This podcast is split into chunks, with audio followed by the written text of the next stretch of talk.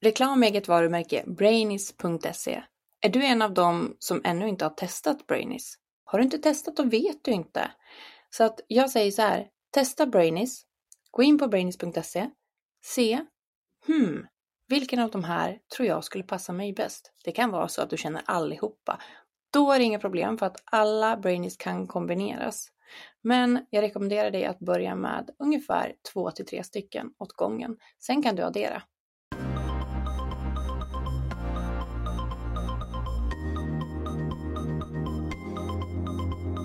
Hej och välkomna till det tredje avsnittet av Kärleken från en psykopat. Har du inte lyssnat på de tidigare avsnitten så rekommenderar jag dig att börja ifrån avsnitt 1 då det här är en berättelse. Glöm inte bort att följa den här podden så att du ser när det kommer ett nytt avsnitt. Kapitel 5 Vi åkte på en weekend till en stad i södra Europa. Jag hade föreslagit detta så att vi skulle få lite tid själva utan barnen. Bara kunna fokusera på varandra, hinna prata och umgås. Jag tänkte att det skulle förbättra vår relation.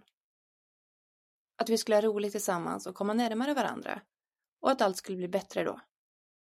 Han tyckte att det lät som en bra idé. Vi hade som vanligt jätteroligt tillsammans när vi åkte iväg och gjorde saker själva utan barnen. Vi tyckte båda om att göra samma saker och det var liksom aldrig några problem eller frågetecken. Men oftast så var det alltid någon gång under resan som det uppstod något form av tjafs. Vad det handlade om? Det kunde jag inte alltid sätta fingret på. Om det nu inte handlade om pengar. Vi åt fantastiska middagar på trevliga restauranger, promenerade runt i staden och shoppade. Vi hade det supermysigt. Sista kvällen gav vi oss ut i nattlivet. Vi träffades som vanligt på ett gäng trevliga människor som vi hängde med. Han sa alltid att det som var så bra med mig var att jag så lätt fick kontakt med folk på ett naturligt sätt. Att det var så himla bra att ha med mig på saker, då jag lätt skapade nya kontakter. Den här kvällen skapades dock inga långvariga, värdefulla kontaktnät, utan det var party och inget annat. Vi gick från bar till bar och till slut hamnade vi på en nattklubb. Nattklubbar var dock inget för honom. Han tyckte inte om att dansa. Det hände inte så ofta. Det resulterade i att jag dansade med annat folk och han hade tråkigt och då ville han snabbt avsluta kvällen. Många gånger valde jag att stanna kvar själv och sa att då får han gå hem själv. I de här lägena var han redan på dåligt humör, vilket innebar att vi ändå bara skulle bråka om jag följde med till hotellet. Så då var det bättre att stanna kvar och gå tillbaka när han sov. Men den här kvällen valde jag att följa med honom tillbaka till hotellet. Vi tog ingen taxi. Det var inte så långt till hotellet så vi promenerade. Vi blev snabbt osams och jag minns hur jag gick och grät vi skrek på varandra på gatan och till slut tog han tag i mina armar. Jag tog mig loss. Sen minns jag hur jag låg på trottoaren gråtandes efter att han hade armbågat mig hårt i revbenen. Jag tittade upp och såg honom promenera iväg. Men plötsligt kände jag hur två personer lyfte upp mig och frågade mig hur jag mår. Om de skulle ringa en ambulans. De pratade engelska. De sa att de såg vad som hade hänt och att de kunde ringa polisen om jag ville. Jag sa bara nej. Jag är okej. Okay. Det är ingen fara. Tack för hjälpen. Jag promenerade mot hotellet. Jag gick genom en mörk park. Jag minns att jag tänkte, låt någon bara mörda mig.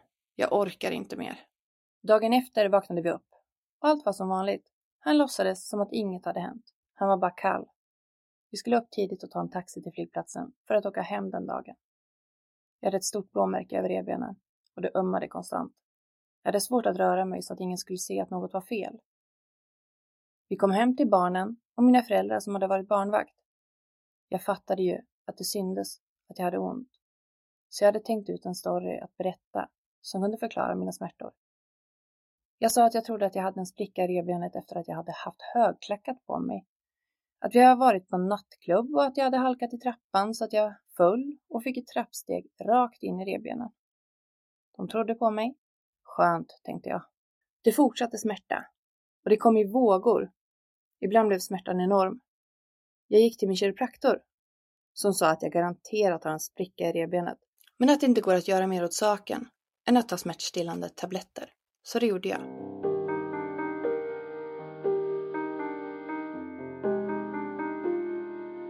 Månaderna gick och relationen fortsatte i samma spår.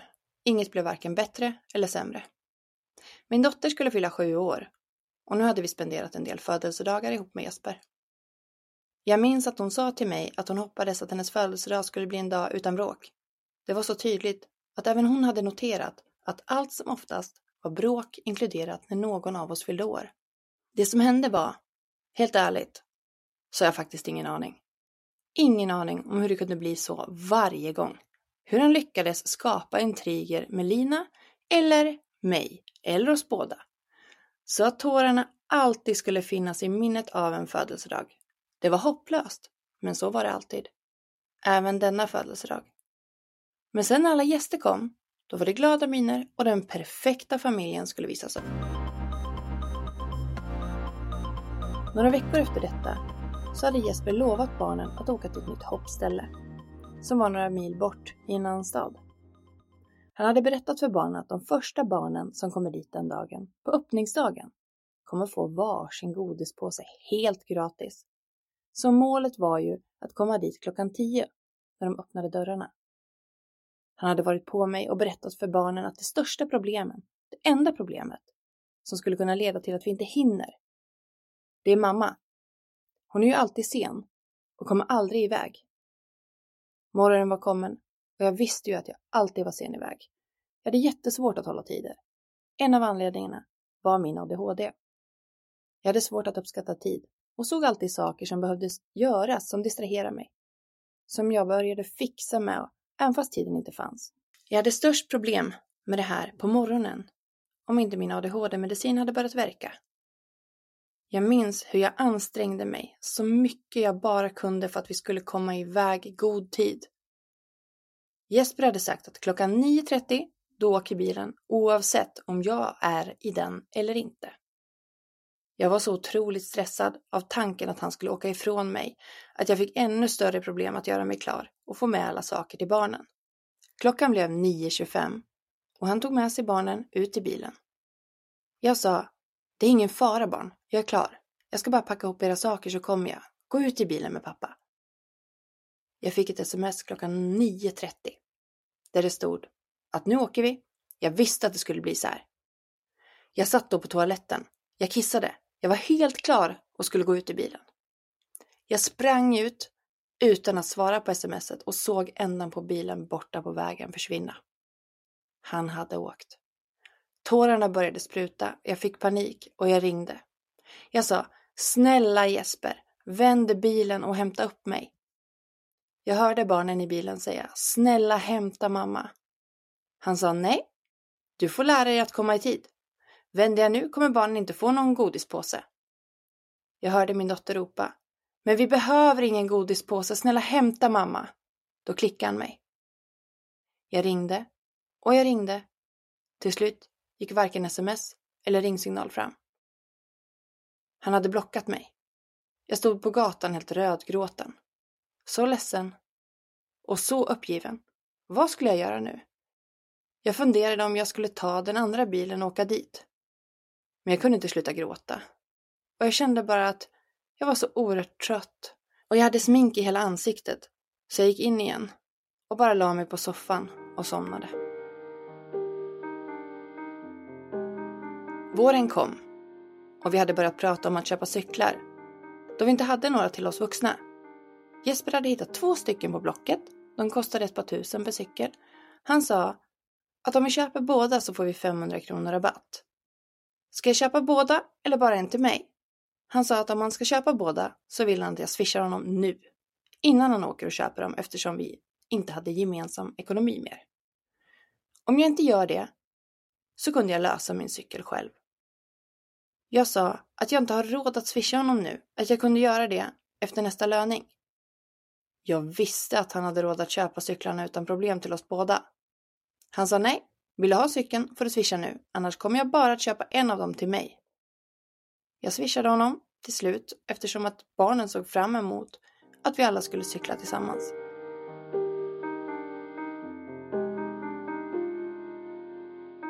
Vi alla åkte iväg på en resa med hans föräldrar, inklusive barnen, och jag tänkte att det här kommer bli en bra resa eftersom han alltid brukade bete sig och vara snäll kring sin familj.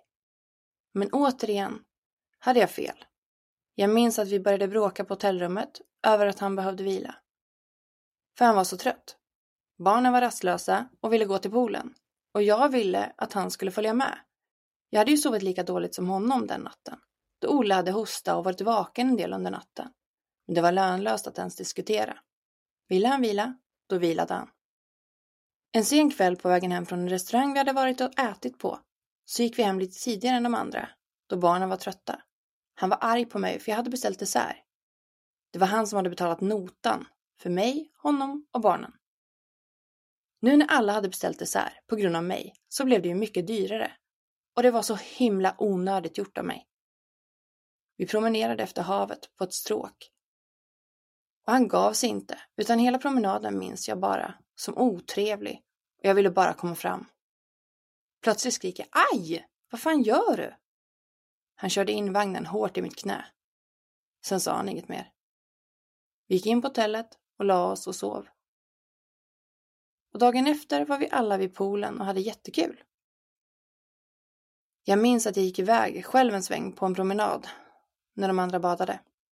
När jag kom tillbaka var han på dåligt humör och tilltalade mig väldigt otrevligt. Då inför alla andra. Och det var ovanligt att han gjorde det kring andra människor och särskilt kring hans familj, hans föräldrar. Jag minns hur förvånad jag blev när hans pappa sa till honom på skarpen. Jesper! Så pratar man väl inte med folk? Så pratar du inte till henne, det förstår du väl? Sa hans pappa. Jesper gick därifrån och svarade inte ens. Men det kändes så bra att han sa till honom och jag hoppades såklart att det skulle göra någon skillnad framöver. Vi var hemma igen. Allt var som vanligt. Och jag hade funderat en del på om jag skulle kontakta hans föräldrar och berätta hur vi har det. Och om hur Jesper beter sig mot mig och mot barnen. Jag tog beslutet att ringa till hans mamma ett par dagar efter att han första gången hade packat sin väska och sagt att han inte orkar med mig mer. Att han behöver få lugn och ro. Han hade då åkt till sina föräldrar på obestämd tid som han sa.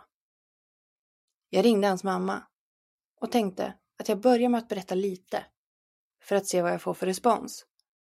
Detta kunde ju bli så fel, tänkte jag. Men jag kände bara att jag har inget val. Jag måste hitta en lösning på det här.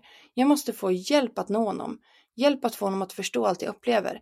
Ett sätt att få det här att sluta. Jag ringde och hon svarade direkt. Och jag sa, är du ensam? Jag skulle behöva prata med dig.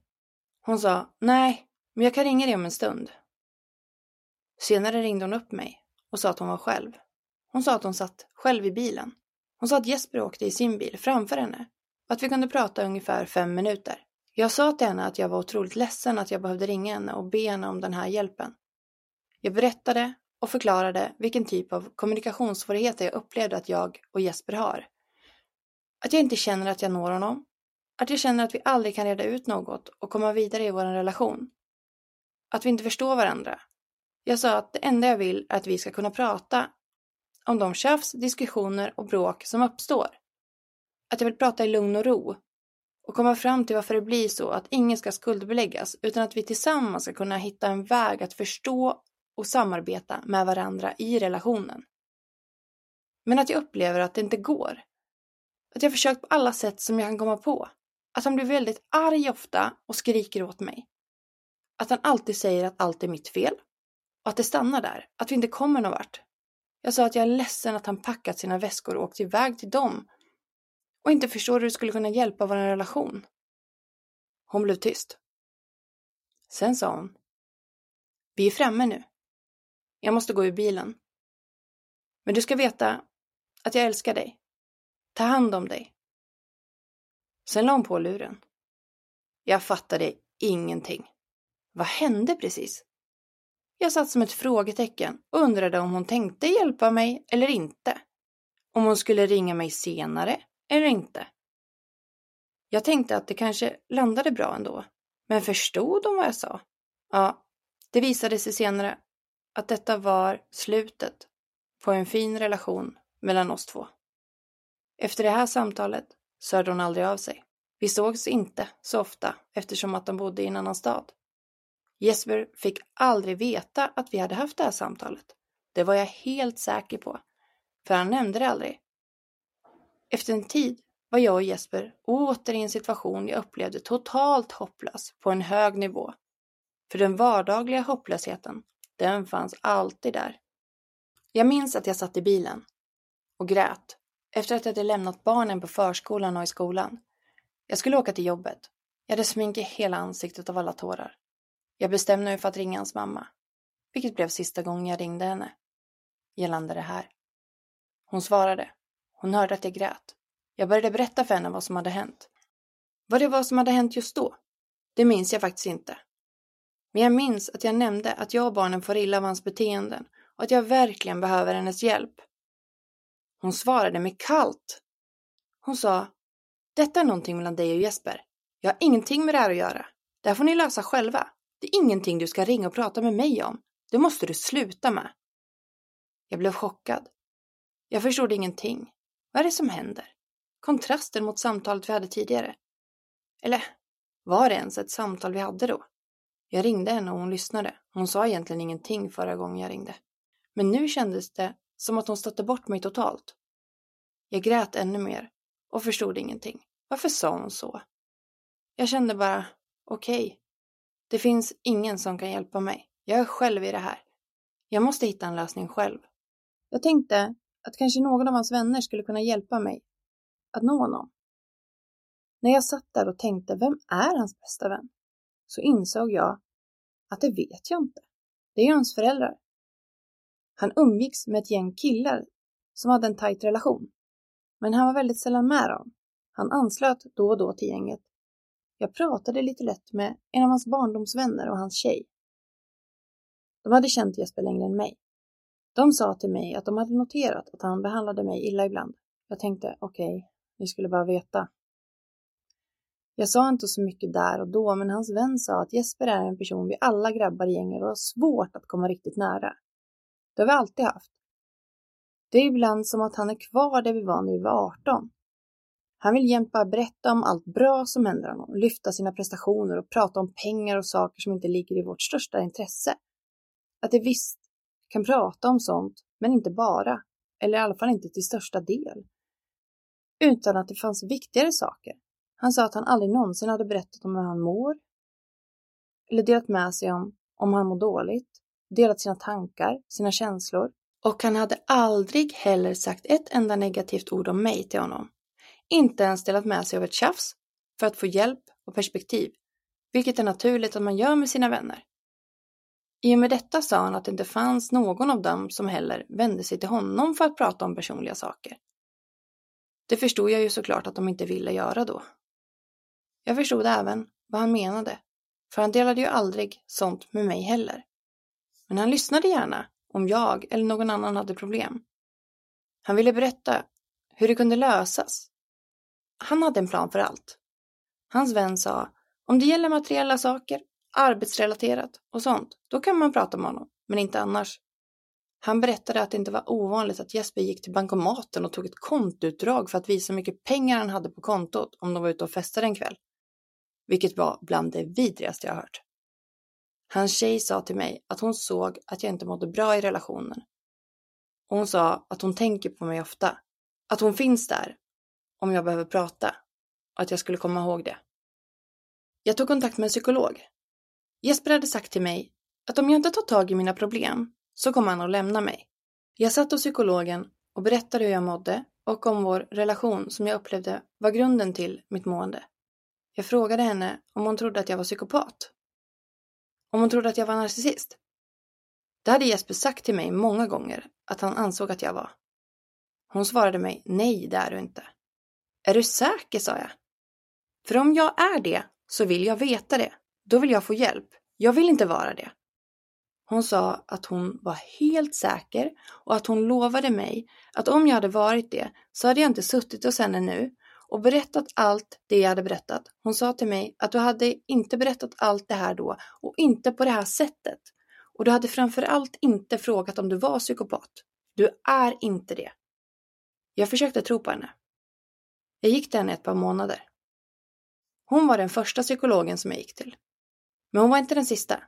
Jag behövde vara säker på Att det inte var jag som var problemet. Såklart visste jag att i en relation är det två personer.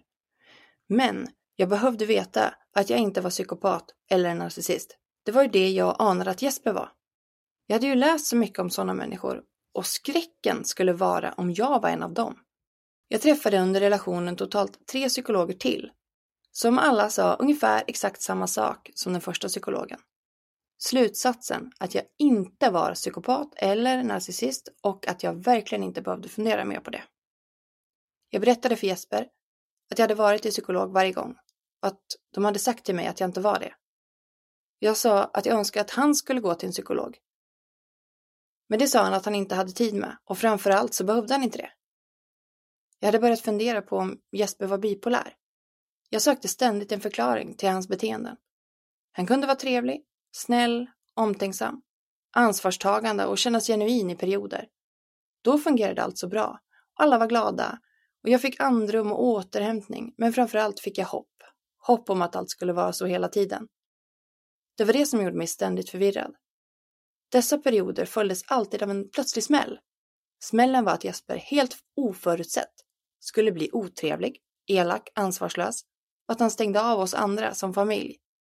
Och han behövde vila. Han gjorde vad han ville och släppte allt. Jag försökte till slut föra statistik på hur ofta de här perioderna inträffade och försökte anteckna hur och när. Försökte få en insikt i vad är det som utlöser den här hemska sidan hos honom. Men statistiken sa mig inte mycket.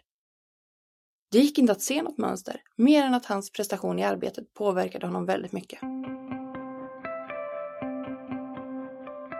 Kapitel 6 Vi hade två barn. Vi var inte gifta. Vi hade varit hos vår försäkringsrådgivare en tid tillbaka. Han hade sagt till oss att för barnens skull så hade det varit bra om vi gifte oss. Eller om vi skrev juridiska papper. Om det skulle hända någon av oss något. Vi började då prata om att vi kanske skulle gifta oss under de perioder när allt var bra. Och då kunde jag även hinta om när ska man få den där ringen? Han var ju då väl medveten om att jag började drömma om en ring på mitt finger. Det kunde han använda emot mig. Jag minns att jag skulle på en AV med jobbet, vilket aldrig hade hänt tidigare. Och som alltid såg han till att jag mådde piss om jag skulle iväg och göra något roligt utan honom. Jag minns hur vi stod och bråkade om något helt meningslöst, som ofta var just ingenting. Det som oftast var, det var att jag stod och försökte förklara mig och rättfärdiga mig på något vis över någonting som han hade vänt emot mig eller hittat på. Jag gick i fällan så lätt. Den här gången drog han upp en papperslapp ur sin plånbok och skrek Kolla här! Kolla här! Jag grät som vanligt och sa vad? Han tryckte upp en lapp i mitt ansikte. Ja, det var en anteckning på ett visitkort från en juvelerare. Han skrek. Fattar du att här går jag runt och funderar på att fria till dig och dessutom köpa en pissdyr ring till dig och sen beter du dig som ett jävla psycho. Varför i helvete ska jag gifta mig med dig? Jag blev så otroligt ledsen. Så ledsen. Jag gick hemifrån och torkade mina tårar. Jag tänkte nej, han ska inte få ta den här kvällen ifrån mig. Jag ska gå till jobbet och sen ska jag gå på AV. Jag ska inte bryta ihop och gå hem.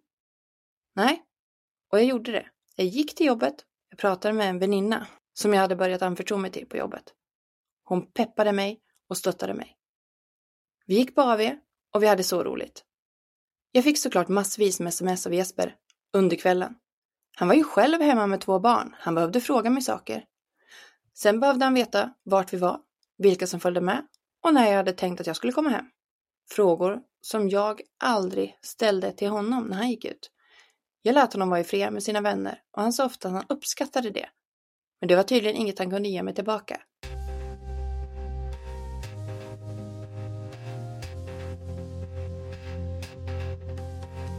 Efter några veckor kom dagen då han friade. Olle skulle snart fylla fyra år och Lollo åtta några månader senare. Han hade tidigare sagt att han ville att Olle med skulle bli så pass gammal att han skulle minnas dagen vi gifte oss. Jag kom hem från jobbet en dag. Barnen hade den dagen blivit hämtade från förskolan och skolan av mina föräldrar och de skulle spendera helgen där. Jag minns att jag var trött och mest önskade att vi skulle ha en kväll hemma för oss själva. Men solen lyste, det var varmt ute och det var snart sommar. då ville man ändå ta tillvara på en sån fin kväll. Så jag var ju öppen för förslag. Han sa att han hade fixat lite godsaker som vi kunde äta. Och sen kunde vi dricka en flaska bubbel. Han sa, sätt på dig en klänning, det är varmt ute. Han gick till min garderob och plockade fram en svart klänning som han hade köpt till mig förut. Sätt på dig den här, sa han. Jag var inte alls sugen på att ha klänning på mig. Jag var ingen klänningperson heller, det visste han. Han plockade även fram ett par svarta pumps. Jag sa, vad håller du på med? Varför ska jag på mig det där nu? Vi ska ut på terrassen. Han skrattade lite, fnittrade lite och sa, men sluta vara så sur nu. Kan du inte bara ta på dig det här? Till slut tänkte jag, okej. Okay. Visst, jag gör väl det om man så gärna vill det. Men jag anade ingenting. Jag hade inga förväntningar på kvällen alls. Och att han skulle fria, det hade jag släppt. Det hade jag inte längre några funderingar på. Utan jag tänkte att vi får gå och skriva de där juridiska papperna som rådgivaren föreslagit som alternativ. Han sa, jag tar med mig allt och går ut och fixar så det blir mysigt där ute, så kan du komma när du är klar. Visst, gör det, tänkte jag. Lite sådär halvglad var jag. För jag kände bara att jag inte ville ha någon förväntning på kvällen. För då blev jag allt som oftast besviken senare. Jag tog på mig klänningen och skorna och tänkte, jag får väl ta vara på att han är på bra humör nu och göra det bästa av kvällen. Jag kom ut på terrassen och han överöste mig med komplimanger och kysste mig. Han sa, kom och sätt dig här. Han hade dukat upp så fint och det stod en dyr champagne på bordet. Det fanns skärk och ost, vilket var något jag älskade att äta. Han hade till och med engagerat sig i att doppa jordgubbar i choklad. Jag tänkte, vad tusan händer? Vad gullig han är. Vi satt där och hade trevligt.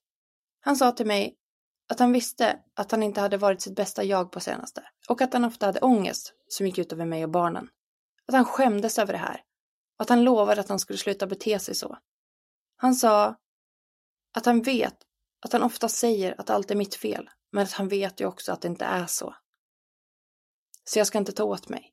Och gud vilken lättnad det var för mig att höra allt det här. Jag kände och tänkte, äntligen fattar han. I varenda cell i min kropp. Jag kände mig så lycklig, så glad, så lättad. Sen kom stunden då han friade. Han gav mig en stor plåtask av något slag. Den var jättefin och jag undrade varför han gav mig den. Jag tänkte, vad är det här för något? Och frågade, vad är det här? Tänkte att det var något han köpt som vi skulle ha som inredning i hemmet. Han sa, öppna den. Jag öppnade den och där låg en liten mindre ask. En ask från juveleraren som han hade haft på visitkortet han visade mig förut när vi bråkade. Jag tittade upp på honom. Han satt där, lite nervös, han log, ögonen glittrade. Min blick möttes av hans snälla, fina, charmiga blick. Den där blicken som fick mig att smälta. Han tog asken och öppnade den. Han tog upp en stor diamantring och sa att oavsett vad så var det en sak han var säker på och det var att han inte vill leva utan mig. Att jag var den roligaste och finaste tjejen man kunde hitta. Att jag var världens bästa mamma till våra barn. Han sa, vill du gifta dig med mig? Mitt svar var ja. Vi stod där och kramades och pussades i solen. Vi tog bilder och skickade till våra närmsta. Han berättade snabbt hur han hade sökt efter den absolut bästa och finaste ringen. Han sa att den kostade hundratusen. Men vet du, det är du värd, sa han. Han berättade om den nervösa resan han hade haft hem på tunnelbanan från juveleraren. Han var rädd att han skulle bli rånad. Han hade gömt påsen med ringen i, i en påse från Lidl. Vi hade en jättemysig kväll. Sen ville han att vi skulle gå över till ett par vänner och inspirera den mannen att fria, då de hade varit tillsammans så länge. Och han hade inte friat än. Jag tyckte väldigt mycket om det paret så jag tänkte absolut kan vi gå dit och umgås med dem. Han ville snabbt visa ringen och berätta hur han sökte efter den bästa och vad den kostade. Det var såklart jätteglada för vår skull. Kvinnan, min vän, hon visste mycket av det som pågick i vår relation. Men hon var jätteglad och även hon fick hopp om att det faktiskt nu skulle bli bra mellan oss efter att jag hade berättat allt han sa till mig innan han friade. Kapitel 7 Inget hade förändrats efter att Jesper friade, utan livet var som innan. Allt pågick som vanligt. Jag lärde mig mer eller mindre i att infinna mig att det var så här livet skulle se ut. Jag hade två val. Antingen så lämnade jag honom, eller så stannade jag kvar och accepterade hur det var. Att lämna honom kändes inte som ett alternativ då. Och någonstans fanns hoppet kvar i mig. Att jag kunde fixa det här. Jag skulle fixa det här. Jag fick höra av alla runt omkring mig att de upplevde mig stressad. Alla undrade var jag än gick, hur jag mår. Jag blev nästan irriterad över hur folk hela tiden skulle påpeka att jag var stressad och frågade hur jag mådde hela tiden. Jag mår bra, svarade jag. Nej, jag är inte stressad. Här och nu var jag på väg mot kraschen. På väg mot att totalt krascha i min utmattningsdepression. Men då fattade jag inte det. Jag såg inte vad andra såg. Jag mådde så dåligt att jag inte förstod det själv. Jag gick på någon slags autopilot. Jag var alltid med barnen om jag inte var på jobbet. Jag hade tappat kontakten med många av mina vänner som jag inte längre hade tid att umgås med. Några av dem upplevde Jesper som otrevlig och hade märkt av hur han behandlade mig och drog sig därav undan att umgås som par också. Jag hörde allt oftare från mina vänner att jag måste förstå att även jag har en del i relationen. Att det inte bara kan vara Jesper. Det sög jag snabbt upp som en motivation till att jag alltid kan förändra mitt eget beteende och bemötande. Hur jag lägger fram saker och hur jag konverserar. Samtidigt tog jag det som en hint att jag skulle sluta älta, lämna eller acceptera och stanna. Jag stängde mig allt mer, berättade mindre och mindre om vad som hände i relationen. Jag ville verkligen inte upplevas som den där vännen som bara ältar, suger energi och inte ger något. Jag upplevde mig själv så den perioden. Jag ville ju vara mig själv. Jag ville ju vara som jag alltid var innan. Jag ville ju vara den där roliga vännen som gav energi. En dag minns jag hur Lollo skriker rakt ut. Hon gråter. Jag hade hört att hon och Jesper hade ett bråk. Jag försökte att inte lägga mig i eftersom Jesper hade påtalat att jag inte lät honom vara pappa till Lollo. Att jag inte kunde gå emellan utan att jag var tvungen att låta honom sätta gränser. Och att vi skulle vara ett team. Då kunde jag inte göra så. Han sa att det var stor skillnad på hur jag agerade om han bråkade med Olle. Att jag aldrig la mig i då. Men det jag inte förstod då var att varje gång jag la mig i, när det gällde honom och Lolo, det var instinktivt. Det var för att hans beteende inte var okej de gångerna. Skillnaden var att han aldrig gick över gränsen när det gällde Olle. Jag förstod inte det där och då. Men det gjorde säkerligen han. Men detta var då något som han kunde använda emot mig. Jag hörde åter ett skrik. Ett högt, förtvivlat skrik. Mamma! skrek Lolo. Mamma! Jag sprang ner. Jag såg Jesper i hallen stå med Lolos iPad i händerna. Den var helt krossad och Lolo skrek och grät. Och hon sa Mamma, han bröt av min iPad på sitt ben. Jag blev så jävla förbannad. Jag skrek åt Jesper. Vad fan håller du på med? Han skrek tillbaka till mig. Och vet du vad? Jag kan inte vara hennes pappa mer, det går inte, du lägger i hela tiden. Jag sa, du bröt av hennes iPad. Tycker du att det någonstans är ett okej beteende? Han svarade inte. Han sa bara, ni är likadana båda två. Så gick han därifrån. Jag kramade Lolo och sa, vi löser det här. Jag ska köpa en ny iPad till dig, jag lovar. Hon grät och sa, mamma. Han sa att han inte är min pappa mer. Han sa att han inte tänker vara min pappa mer. Han sa att jag skulle ringa min riktiga pappa istället. Åh, jag blev så förbannad. Jag visste inte vad jag skulle ta vägen. Jag sprang upp och bad Jesper fara åt helvete. Sen tog jag barnen, handväskan och bilnyckeln. Vi stod på gatan. De sa, vart ska vi mamma? Jag sa, jag vet inte. Jag kom på att jag tidigare på dagen fått ett sms av min bror och hans tjej. De undrade vad vi gjorde, om vi ville komma till dem. Vi hoppade in i bilen, jag ringde min bror och sa Vi kommer. Jag vågade inte berätta för honom om det som hade hänt. Barnen blev glada av att se min bror. Och vi gick och köpte glass. Jag pratade för första gången lite med min brors tjej om relationen. Jag berättade vad som hade hänt för henne. Hon var i total chock. Hon visste ingenting som tidigare. Hon såg ju på mig att det var något som var fel. Så därav sa jag, men sen ångrade jag mig efter, för hur skulle jag nu kunna förklara varför jag inte lämnade honom?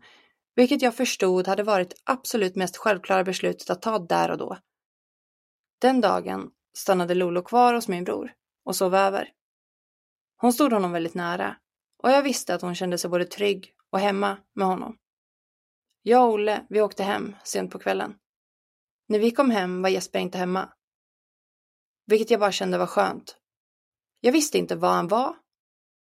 Och jag visste att han förväntade sig att jag skulle ringa och fråga vart han var. Men den här gången då lät jag bli. Glöm inte följa podden för att få en notis när nästa avsnitt kommer.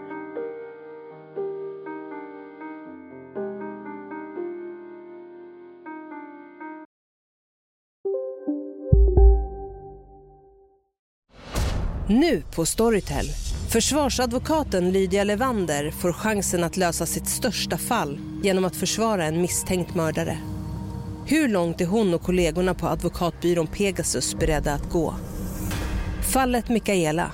En ny deckare från succéförfattaren Anna Bågstam. Lyssna nu på Storytel. Redo för sportlovets bästa deal? Ta med familjen och njut av en Big Mac, McFeast eller Cooper Cheese och Company plus en valfri Happy Meal för bara 100 kronor. Happy Sportlovs deal, bara på McDonalds. Hej, Susanne Axel här. När du gör som jag och listar dig på en av Krys vårdcentraler får du en fast läkarkontakt som kan din sjukdomshistoria. Du får träffa erfarna specialister, tillgång till lättakuten och så kan du chatta med vårdpersonalen. Så gör ditt viktigaste val idag, lista dig hos Kry.